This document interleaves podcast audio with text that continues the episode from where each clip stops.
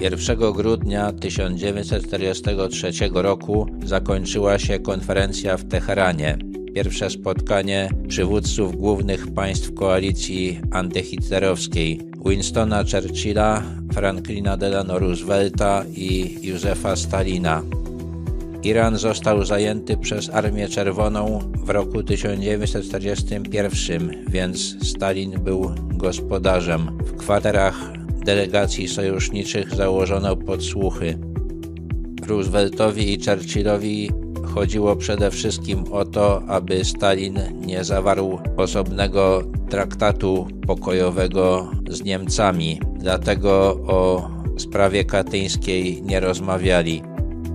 Ustalono, że działania zbrojne będą prowadzone aż do bezwarunkowej kapitulacji Niemiec i że zostaną one podzielone na cztery strefy okupacyjne.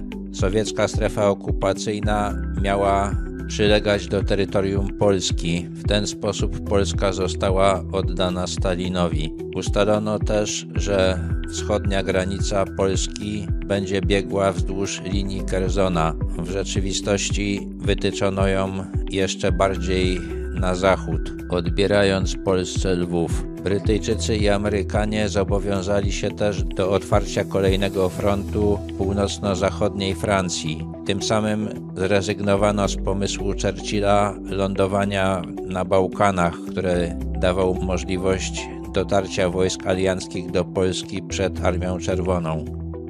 O tych wszystkich ustaleniach rzecz jasna nie powiadomiono polskiego rządu emigracyjnego. Rząd ten nie zrobił też nic, aby na własną rękę dowiedzieć się, co w Teheranie ustalono, co każe podejrzewać, że polski rząd w Londynie składał się z ludzi, którzy nie dorośli do zadań, które przed nimi stały.